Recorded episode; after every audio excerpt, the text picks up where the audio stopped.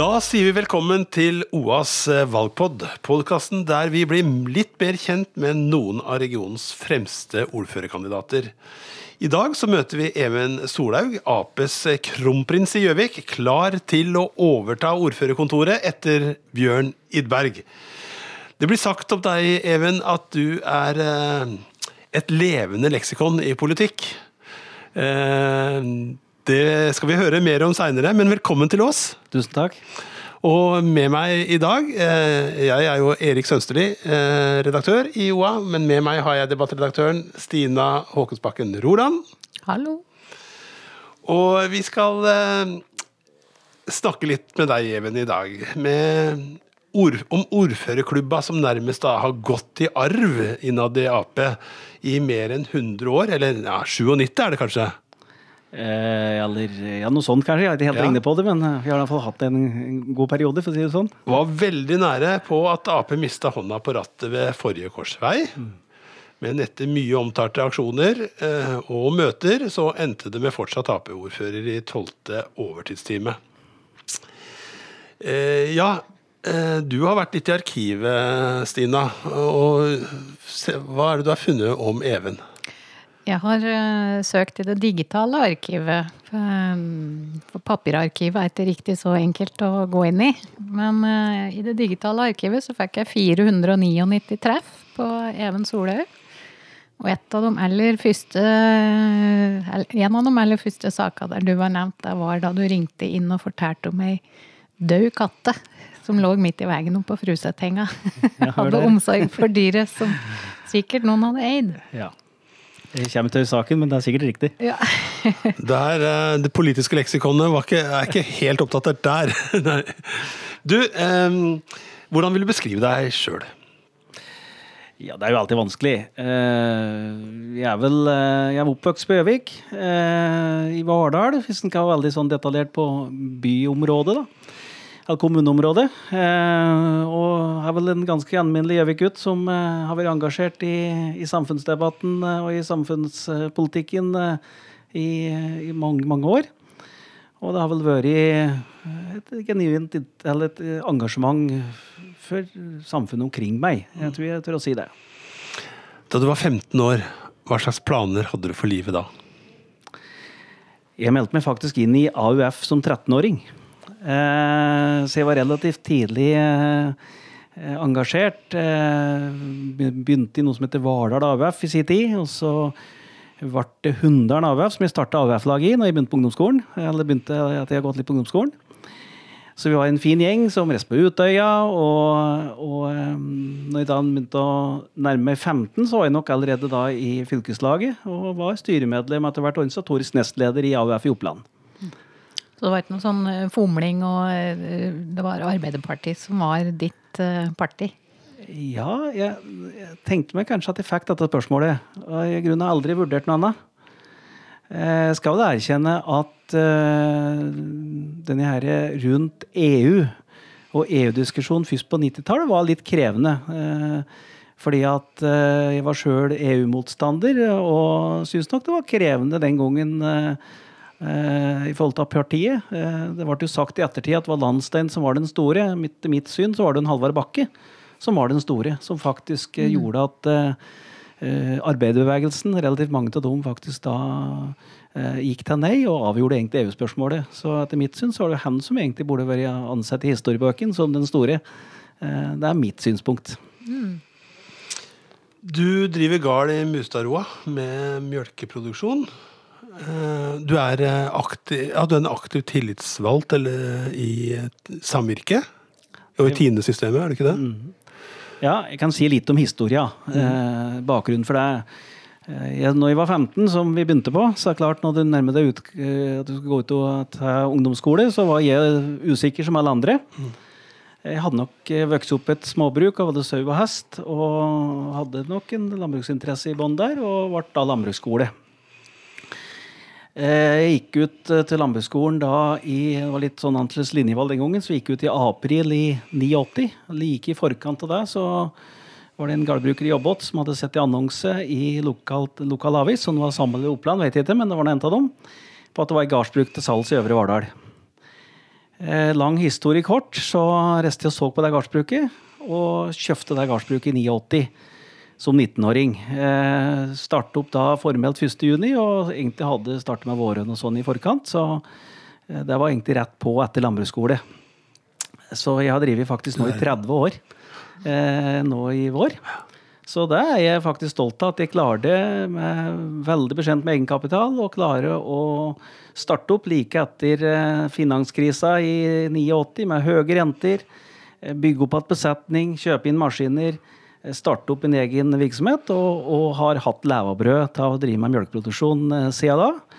Eh, Det vil jeg påstå var en bragd som 19-åring, eh, at jeg klarer det med god støtte av familie. Jeg er heldig med familie, og de har støttet meg og, eh, og i alle år. Og, og en god oppvekst. Så eh, ja, da syns jeg faktisk eh, er litt å si at ja, jeg starter opp noe som vi faktisk lykkes med. Hvor, eh, hvor står eh, samvirketanken i dag? For du er Ja, For min del, eh, i forhold til landbrukssamvirket, så er det veldig viktig. Det er klart, Markedskreften er veldig sterke, og det å eie noe av verdikjeden og ha et beid i den verdikjeden lengst mulig inn mot forbrukeren, er utrolig viktig for, for de som driver landbruk. Og sånn jeg ser det, mange små bønder blir sterke i lag, og det er der vi blir gjennom samvirket. må vel være viktig på en gard å ha hjelp av en familie når du samtidig er så aktiv både i, i landbrukssamvirket og i politikken. Du er eh, eh, Elisabeth Snuggerud som er, er sam, Lis Lisbeth, ja. Unnskyld, Lisbeth, ja. Uh, uh, det sies, jeg må nesten innom det, det, både hun og datteren din er utrolig flinke til å synge. Ja, de er iallfall veldig glad i å synge og, og er veldig interesse for det. Datter mi går i dag på første året på videregående på musikklinja. Ja. Så har helt klart en interesse i den retningen. Even, da? Hvor god er du til å synge? Jeg får vel bekrefte at det er ikke det jeg burde ha satset på, for å si det sånn. Så det er nok et riktig valg. Men det er jo veldig, jeg syns det, det er artig å, å, å høre på dem òg når de opptrer. Så vi var jo nå for noen dager siden borti og hørte på eh, den videregående Nei, på, ungdoms, eller på ungdomskoret, eh, som Adina er med i, dattera mi, eh, borte Blackboxen. Så det var en eh, flott opplevelse. Jeg ser eh, du har vært leder i hovedutvalg eh, i mange år. Gikk det lenge før du liksom fikk den eh, rolla, eller? Jeg startet i kommunestyresammenheng. Jeg sånn, jeg jeg stilte meg faktisk først til valg eh, til kommunestyret i 91. Eh, Da var jeg den første plassen etter jeg kumulerte. Og det jeg ikke visste den gangen, eh, og den gangen kunne både kumulere og stryke. Jeg forsvant ut av alle lister. Fordi at det var den plassen de alle kumulerte folk opp til. Og hadde stort engasjement, hadde hatt et stor, eh, gjort mye jobb innen ungdomsbiten i forhold til AUF. Og, og stilte ned til valg, og forsvant ut. Jeg var ikke engang på varamannslista i kommunestyret. Oi, ja, meg. Eh, eh, og jeg må innrømme at eh, den perioden Jeg var aktiv i partiet, men da var jeg, ble jeg oppnevnt av, fylkes, altså av fylkestinget til å sitte i fylkeslandbruksstyret i den perioden. Jeg tok over faktisk etter en Lars Sjølås, eh, som da eh, gikk, da som fylkes, ja, gikk til fylkesordførervervet, faktisk. Eh, og så Um, så i 95 så la jeg meg da overtale at jeg stilte meg på lista. Det var satt nok litt inne, for det var en ganske nedtur det i 91. Eh, Stilte meg da på lista og kom inn. Eh, og så da i tre på neste perioden så satt jeg da i teknisk hovedutvalg, som da var planutvalget i Gjøvik. Hadde både byggesak, landbruk, brann, tekniske saker og planutvalg. Så det var jo et omfattende utvalg. Eh, inn i min andre periode så tok jeg over som leder, og satt der da i to perioder da som leder. Eh, så det tror jeg er en god sånn politisk last å ha med seg eh, i det politiske Gjøvik. Det å være tett på utbygginga eh, og det som skjer på, på både tekniske saker og for så vidt alt på næringsutviklingsbiten. Men du, du har fulgt politikken tett. Oppland og Hedmark, altså det nye Innlandet, en av Arbeiderpartiets virkelige røde bastioner. Dere sliter. Og det sliter på Gjøvik. Det var tett på sist gang. Hvorfor sliter Arbeiderpartiet sånn? Ja, det er jo et, hvis en hadde et ett svar på det, så var det jo veldig enkelt. Eh, Det jeg tror, er at han må være tydeligere på budskap. Eh, han får ikke blitt ikke gjenvært pga. eventuelt eh, gammel hevd. Han må være tydelig på budskap, og han må, eh, må ha folks tillit på de sakene han kjemper for. Eh, og så må de ombudsmennene som vi har, må selvfølgelig stå på for sitt lokalsamfunn. Vi gjorde et relativt godt valg sist. Jeg har lyst til å si det. Vi hadde jo tross alt 42% av stemmen i Gjøvik. Så vi må vel si det var et godt Det jo, valg. ja, sant? For dette er jo selveste episenteret til Arbeiderpartiet nesten i Innlandet, er det ikke det? Det er riktig. Ja. Altså, vi er jo sterke i flere kommuner i Innlandet her, men, men, eh, men det er klart 42 jeg, jeg vil ikke presentere det som et nederlag. Men eh, det er klart eh, konstellasjonen ellers gjorde jo alt for å prøve å hindre at vi eh, da fikk fortsette. Og den historia kjenner jo litt til. Men er det et jordskjelv hvis du ikke skulle få ordførerklubba Even? Altså at, Arbeid, at, Gjøvik, at Arbeiderpartiet mister Gjøvik? ja, Jeg vet ikke om jeg vil bruke så sterke ord, men det er klart vi jobber for å, for å fortsatt få eh, gjenvunnet tillit. Eh, og jeg mener vi har god sjanse på det. Jeg mener vi har mye eh, Vi har gjennomført mye bra politikk i Gjøvik, og vi har et valgprogram jeg mener eh, råker godt det som er Gjøviks utfordringer. Jeg så I arkivet da, på min ørkenvandring gjennom der, så så jeg Dan Kåre Haugen trappe ned. Så, så ble jo du faktisk foreslått som ordførerkandidat allerede da. Ja, det har nok vært så vidt meg i diskusjon tidligere. Jeg har det. Så, eh, men det er jo eh, For det første så har Bjørn gjort en kjempejobb, og Bjørn hadde stor tillit. Og det, sånn sett ble vel den diskusjonen eh, etter hvert fase ut. Det er jo en side av det at det er jo for så vidt et vanskelig min vet jeg, et vanskelig valg for meg å si ja som jeg bestemmer på vår side. Jeg brukte jo noen runder med meg sjøl, for det betyr jo noe for den hjemmebanen jeg er i. Så du må jo legge inn hjelp eller få en annen løsning som gjør at det er krevende. Så det er jo mm. ei side av det. Men jeg har bestemt meg, og jeg vil gå for å bli ordfører i Gjøvik. Bjørn har vært en god mann for Gjøvik og Arbeiderpartiet. En, Bjørn har gjort en kjempejobb. Eh, grundigheten sjøl. Eh, vel, jobben Bjørn har jobbet mye, og virkelig mye som ordfører. altså. Han står på eh, hele tida. Eh, så jeg har stor stor, stor respekt for den jobben Bjørn har gjort. Og jeg mener han har oppnådd mye siden eh, sine perioder som ordfører. men nå, da? Hva er de store utfordringene Gjøvik står ovenfor i den kommende perioden? helt sikkert mange utfordringer. Det er klart Vi må jo fortsatt ha den flotte veksten vi nå har hatt. Men det er en kanskje område som kanskje jeg skiller litt i forhold til de andre. Eh, som jeg tror er veldig viktig nå. Nå har vi bygd eh, veldig mye, eh, og det er veldig bra, og vi skal fortsette med det. Vi fortetter byen. Eh, men det jeg ser eh, er en utfordring for Gjøvik, og for så vidt også for inn, Innlandet som sådan. Men jeg ser tallene for Gjøvik, og jeg ser også når vi framskriver tall, så tror jeg at det å få ungdom til å etablere seg i vår kommune, det blir særdeles viktig. Vi ser på elevtallsutvikling eh, framover. Eh, vi ser at, eh, at barnetallet er jo relativt lave nå eh, per familie.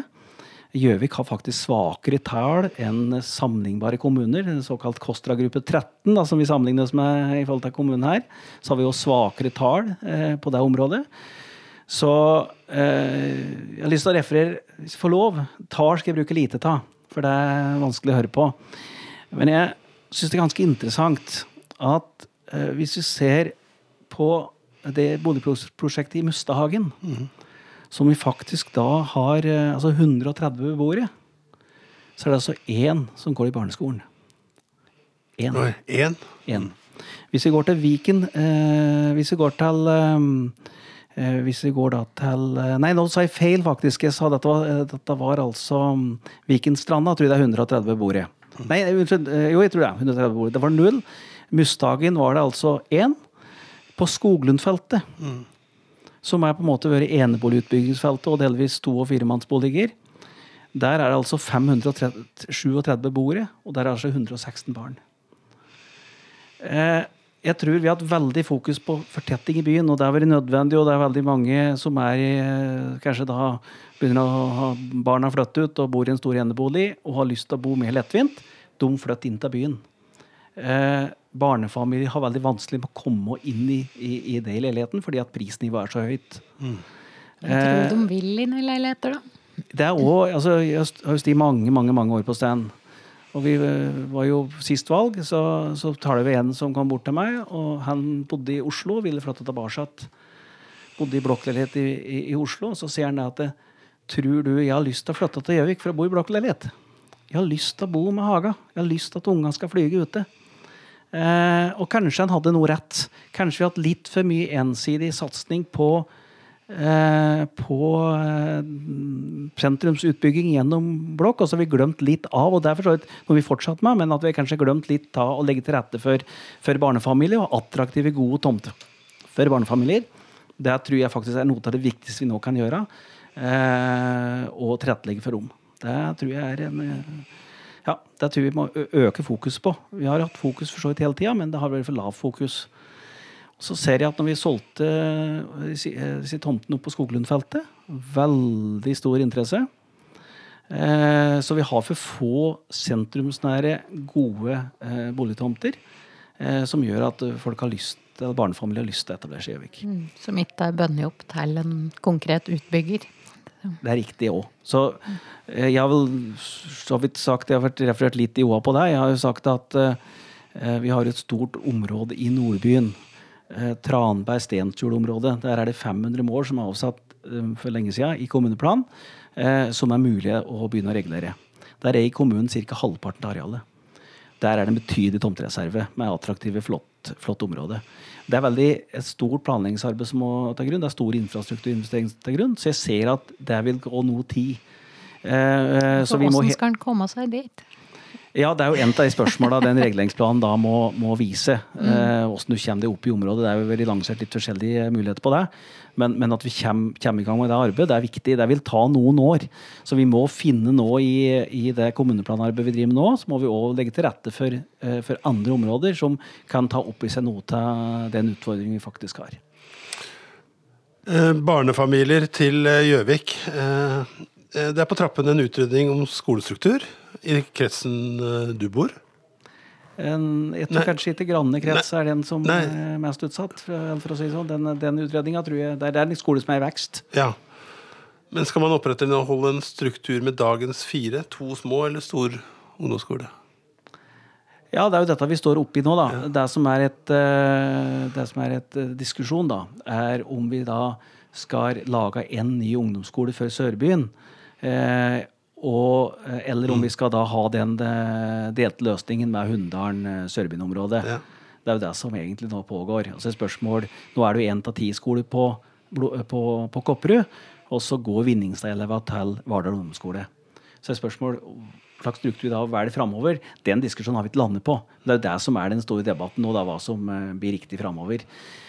Det eneste som vi òg må ha med oss dette her, er jo faktisk elletasjeutviklinga. Mm. Eh, den jobber de med nå. Det er en egen prosjektmedarbeider eh, på dette her temaet nå, som jobber akkurat midt oppi det, som skal legge fram en sak til politisk nivå. Så jeg tror litt, basert litt på fakta her først, før vi konkluderer på hva som er riktig framover. Men du tenker at det er greit å diskutere skolestrukturen? Ja, altså for meg altså, hvis, Jeg vet det er krevende på disse små barneskoler. Fordi at skolen er noe mer enn bare skole.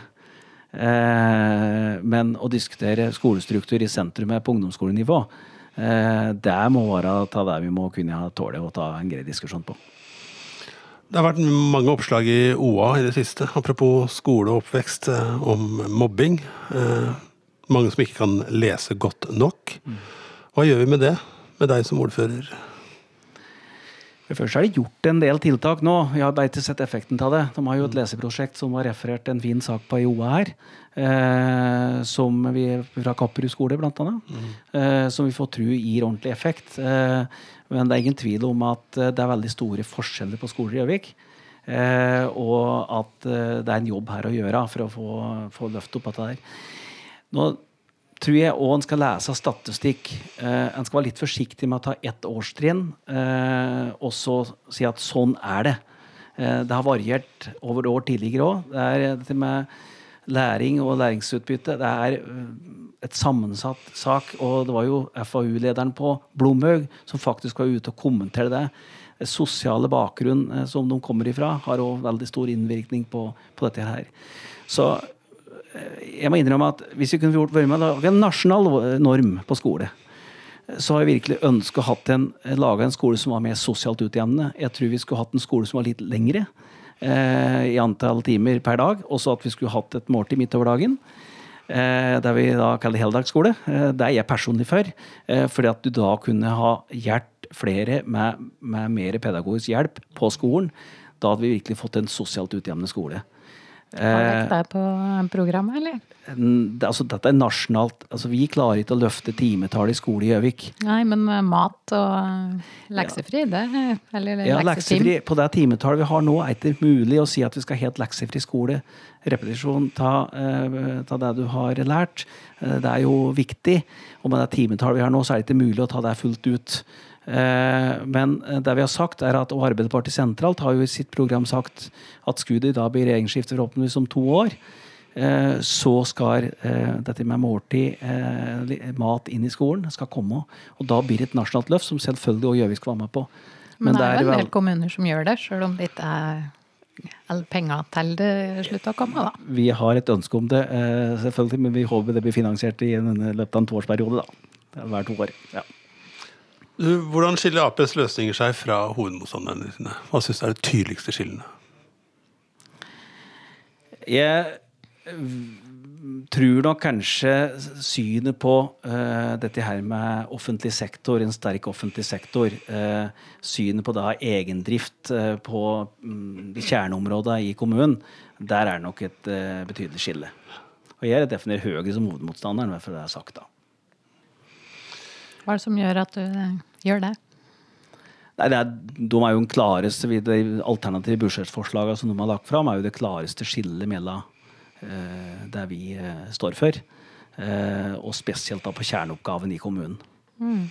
Og Bjertnæs bekrefter jo på det møtet på Ynglingen at de ønsker å konkurranseutsette bl.a. tjenester innen helse og omsorg.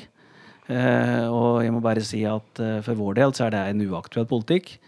Vi ønsker å bygge opp under egne ansatte, og jeg syns ikke at verken ansatte eller brukere av tjenesten skal være bli utsatt for eh, et eh, Som vi ser, at eh, ja, internasjonale, multinasjonale selskaper kommer da inn i omsorgssektoren i Norge. Og at vi skal være en del av det spillet. Det ønsker jeg ikke.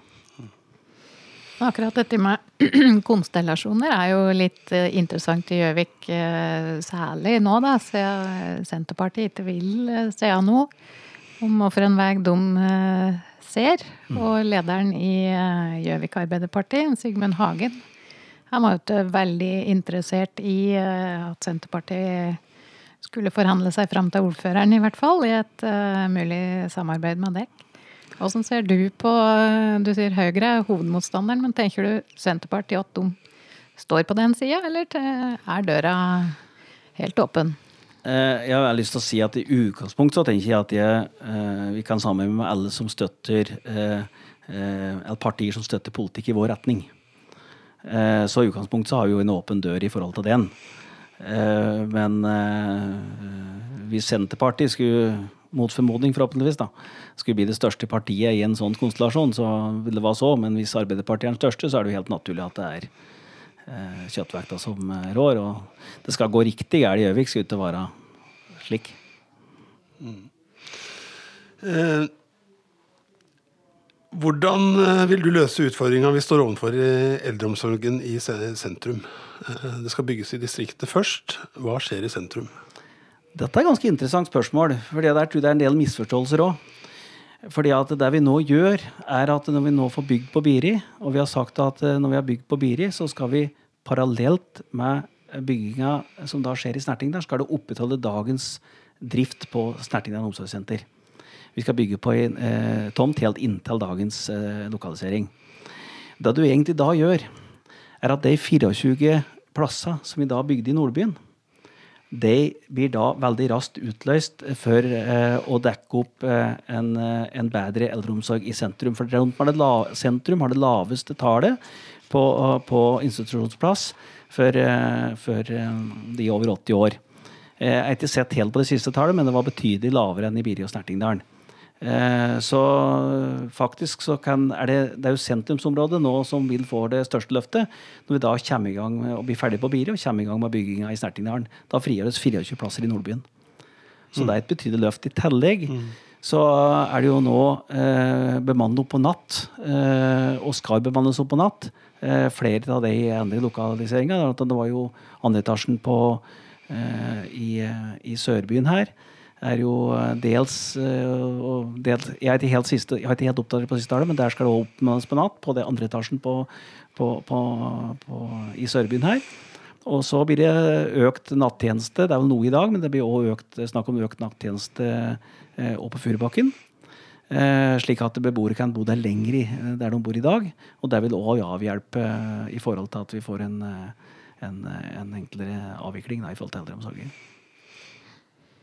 Hvis, det blir jo bygd så mye leiligheter, og det, der er det, som du konstaterer, litt eldre som uh, flytter inn. Hvis de flytter fra Snertingdalen til byen og sånn, og så flytter behovet seg etter hvert, da, eller? Ja, vi har jo sett på statistikk, så det er jo bygd etter, uh, etter det. Mm. Så vi tar ikke ned litt antall plasser i Snertingdalen på de ordinære plassene. Der vi har tilført Snertingdalen, er at vi har sagt i helse- og omsorgsplan at vi skal lage seks forsterkede plasser for folk med utagerende demens. Mm. Eh, for å styrke arbeidsplasser i Snertingdalen. Sånn sett blir inntak fra eh, hele kommunen til det i plasser. Det er det som var intensjonen i, i helse- og omsorgsplanen. Eh, så i utgangspunktet så bygges det da 24 plasser eh, i Snertingdalen. 16 som bofellesskap med heldøgnsbemanning og 8 rene sykehjemsplasser. Og så kommer det i seks forsterkede plasser. Eh, så, så, dette er gjennomtenkt. Eh, så Snertingdalen får omtrent samme dekning eh, som Biri har. Og det var veldig, derfor vi var veldig opptatt av å bygge 32 plasser i Biri, og ikke et økt antall som Senterpartiet ønsker, var at da du setter hele utbygginga i Snertingdalen i fare. Var det noe ved om i Gjøvik, så er det å ha en desentralisert helse- og omsorgsstruktur. Og, og de omsorgsdistriktene vi har. Eh, alt med hjemmetjeneste og alt er jo lagt inn til dette her. Og, og, og det er jo vist gjennom tidlig utredning at vi har ikke noe å hente økonomisk på tvert imot. Eh, å legge det andre plasser, eller samle det andre plasser. Så dette er gjennomtenkt. Mm. Vi må haste videre. Eh, eiendomsskatt er alltid et tema overalt, hadde nær sagt. Noen mener den er svært viktig og gjør mye godt for seg. Andre skyr den som pesten. Mm. Hvordan ser du den videre utviklinga på eiendomsskatt i Gjøvik? Nå har jeg lyst til å si, Før jeg begynner med det, for å avslutte helt dette helse- og omsorgsfeltet, for det henger litt i lag. Ja. Ganske mye i lag òg. Mm. Fordi at det er jo en historisk satsing på, på eldreomsorg i Gjøvik nå. Historisk satsing, for De var jo lang tid, og det er viktig at vi nå gjennomfører og fullfører. Det betyr at når vi øker 5, 24 plasser i Nordbyen, så vil det faktisk være er det faktisk behov for eh, økt drift og driftsressurser for helse og omsorg på 25 millioner for å dekke opp den økte kostnaden. I tillegg kommer kapitalkostnader eh, på det nye omsorgssentrene. Eh, på Biri og Snertingdalen. Eh, Biri er jo inne, men Snertingdalen skal jo inn på kapitalkostnader. Så til eiendomsskatt. To siste åra har vi ikke økt eiendomsskatten i Gjøvik. Ingen er glad i eiendomsskatt, men det er den eneste lokale muligheten til å ta inn penger vi har til å ha lokal velferd. Eh, hvis det hadde funnes andre modeller å ta inn økt, eh, økte inntekter for å lokal velferd, så har vi helt sikkert gjort det. Mm.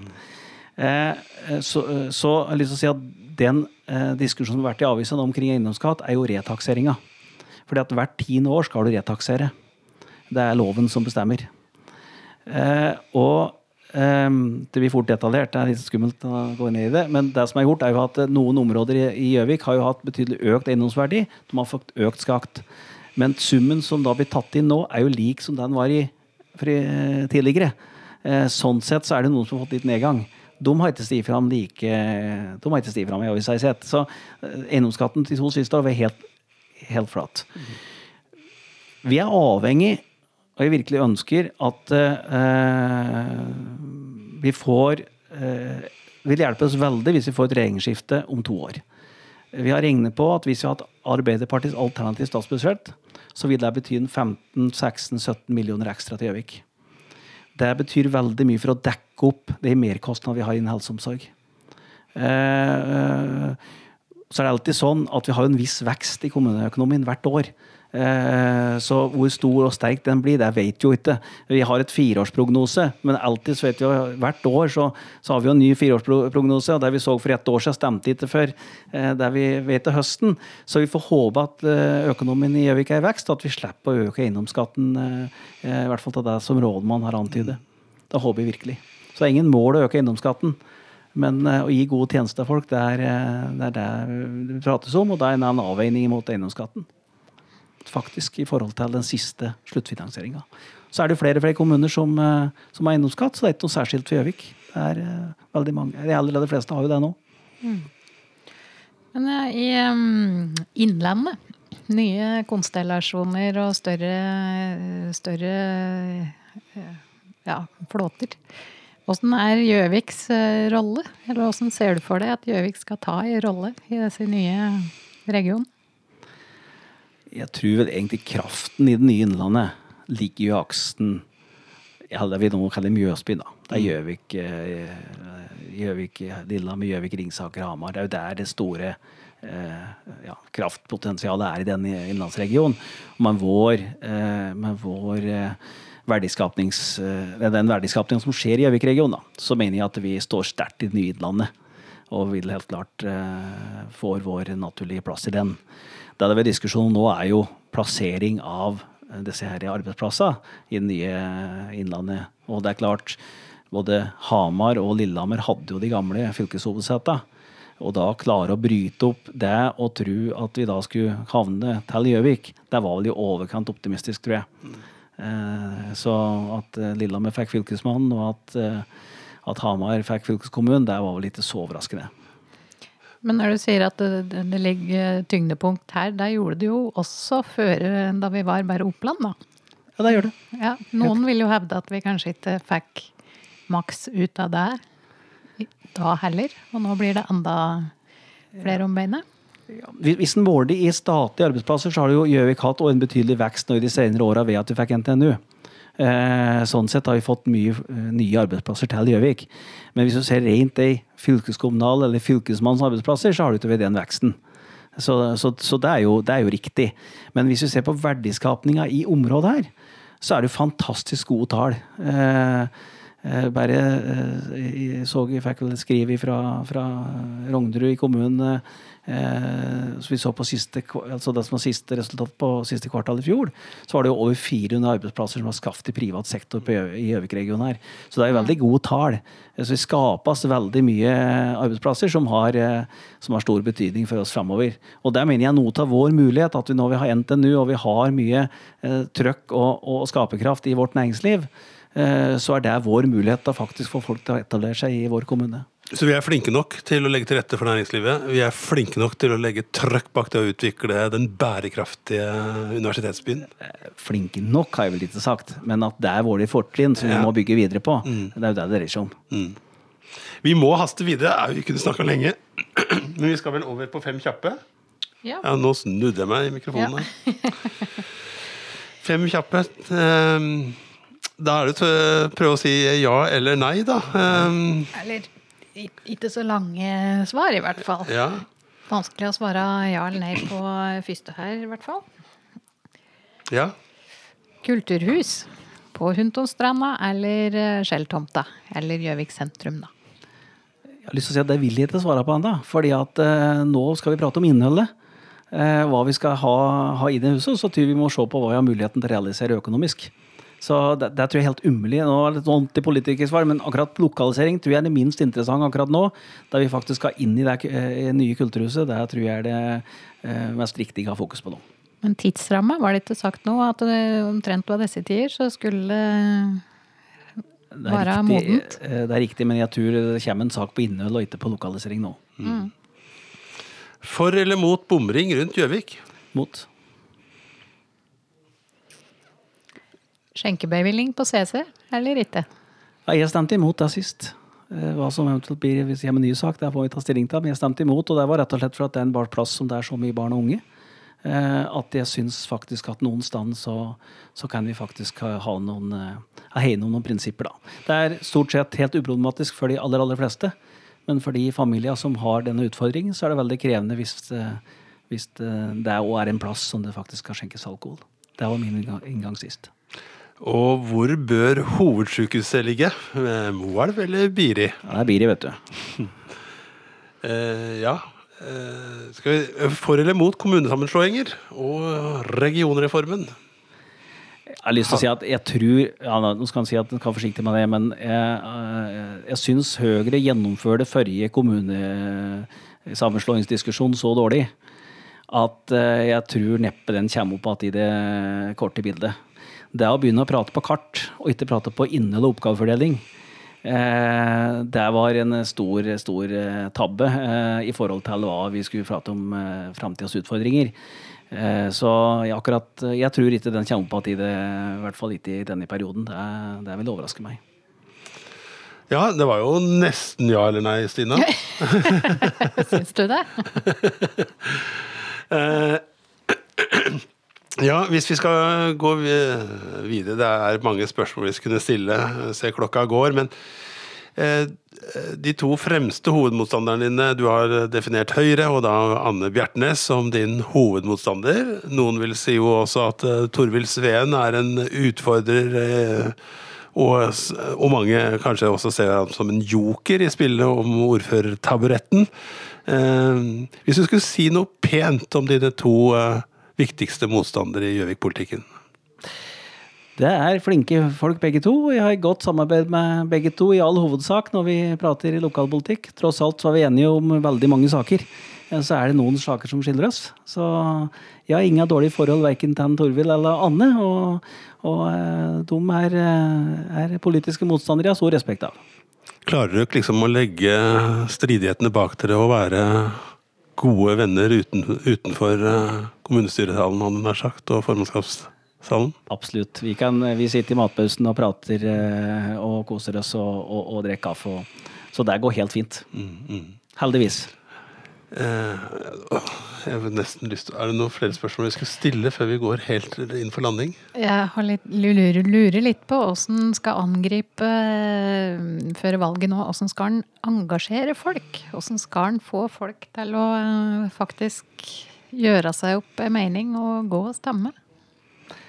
Dette er jo det store spørsmålet. Eh, Valgdeltakelsen sist var jo på noen og 50 eh, Så mm, der tror vi alle har en jobb å gjøre for å, og, og at vi skal hegne om demokratiet. Og, mm, ja, men, men å ha noe enkelt svar på det, vet jeg ikke. Men det er jo noen politiske forskjeller i Gjøvik, og det er noen verdivalg du gjør. Så eh, jeg oppfordrer virkelig folk til å, å bruke stemmeretten. Eh, og stemme på det de mener er riktig, eller de som skal styre Gjøvik videre. Jeg tenkte at jeg sitter og brenner inne med en siste spørsmål også på Fastlegekrisa er over hele landet, eh, men her i Gjøvik så har den vært eh, ganske eh, betydelig, og det er på Arbeiderpartiets vakt. Hva gjør du med det, Even? Ja, jeg, før jeg svarer helt på det, så skal jeg begynne et lite resonnement. Det er alltid politikere som gjør det. Det er jo sånn at uh, her er det privatpraktiserende leger som har drevet en, en, en, uh, en praksis i, forhold til uh, rammebetingelser som staten har gitt. Så har etter hvert både krava uh, til dokumentasjon og trøkk i forhold til at pasienter skal ut etter sykehus, eh, at de skal inn mot fastlege. Eh, hele tjenesten har blitt noe annet enn det, de, det det utgangspunktet var. Eh, Det har gjort at det var mindre attraktivt eh, å være lege, eller være da fastlege. Eh, I hvert fall på, på, den, på den eh, økonomiske normen de har hatt. Eh, Jeg ser egentlig ingen annen løsning enn det som er gjort andre plasser. eh, Og det er at eh, de må få faste stillinger innenfor eh, for kommunen og, og, og, og få regulert arbeidstid. Vi, hvis vi ser også fra det tradisjonelle lega, så var det ofte menn som hadde kanskje syntes det var greit å drive mange timer i døgnet med jobb. Nå ser vi at vi har mange, mange flinke damer som, eh, som også ønsker å komme kombinere med et familieliv, som gjør at de ønsker å ha regulert arbeidstid.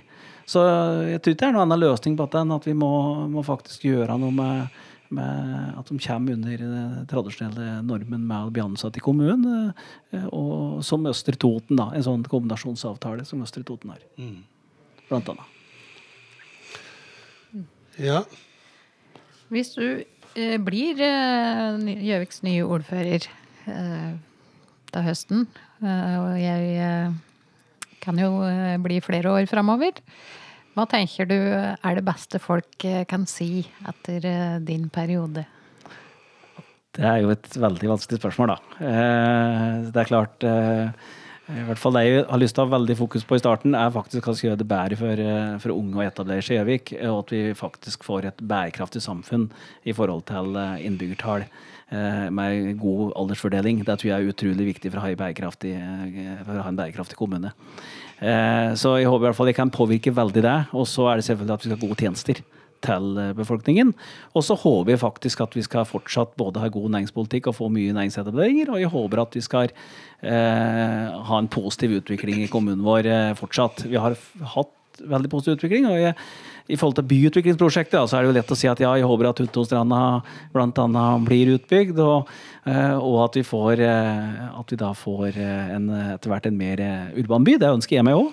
Men jeg ser at eh, ved at vi nå har kun hatt fokus på sentrumsleiligheter med høy kvadratmeterpris, så har vi, tror jeg, mistet mange som da ellers kunne etablert seg i kommunen til unge.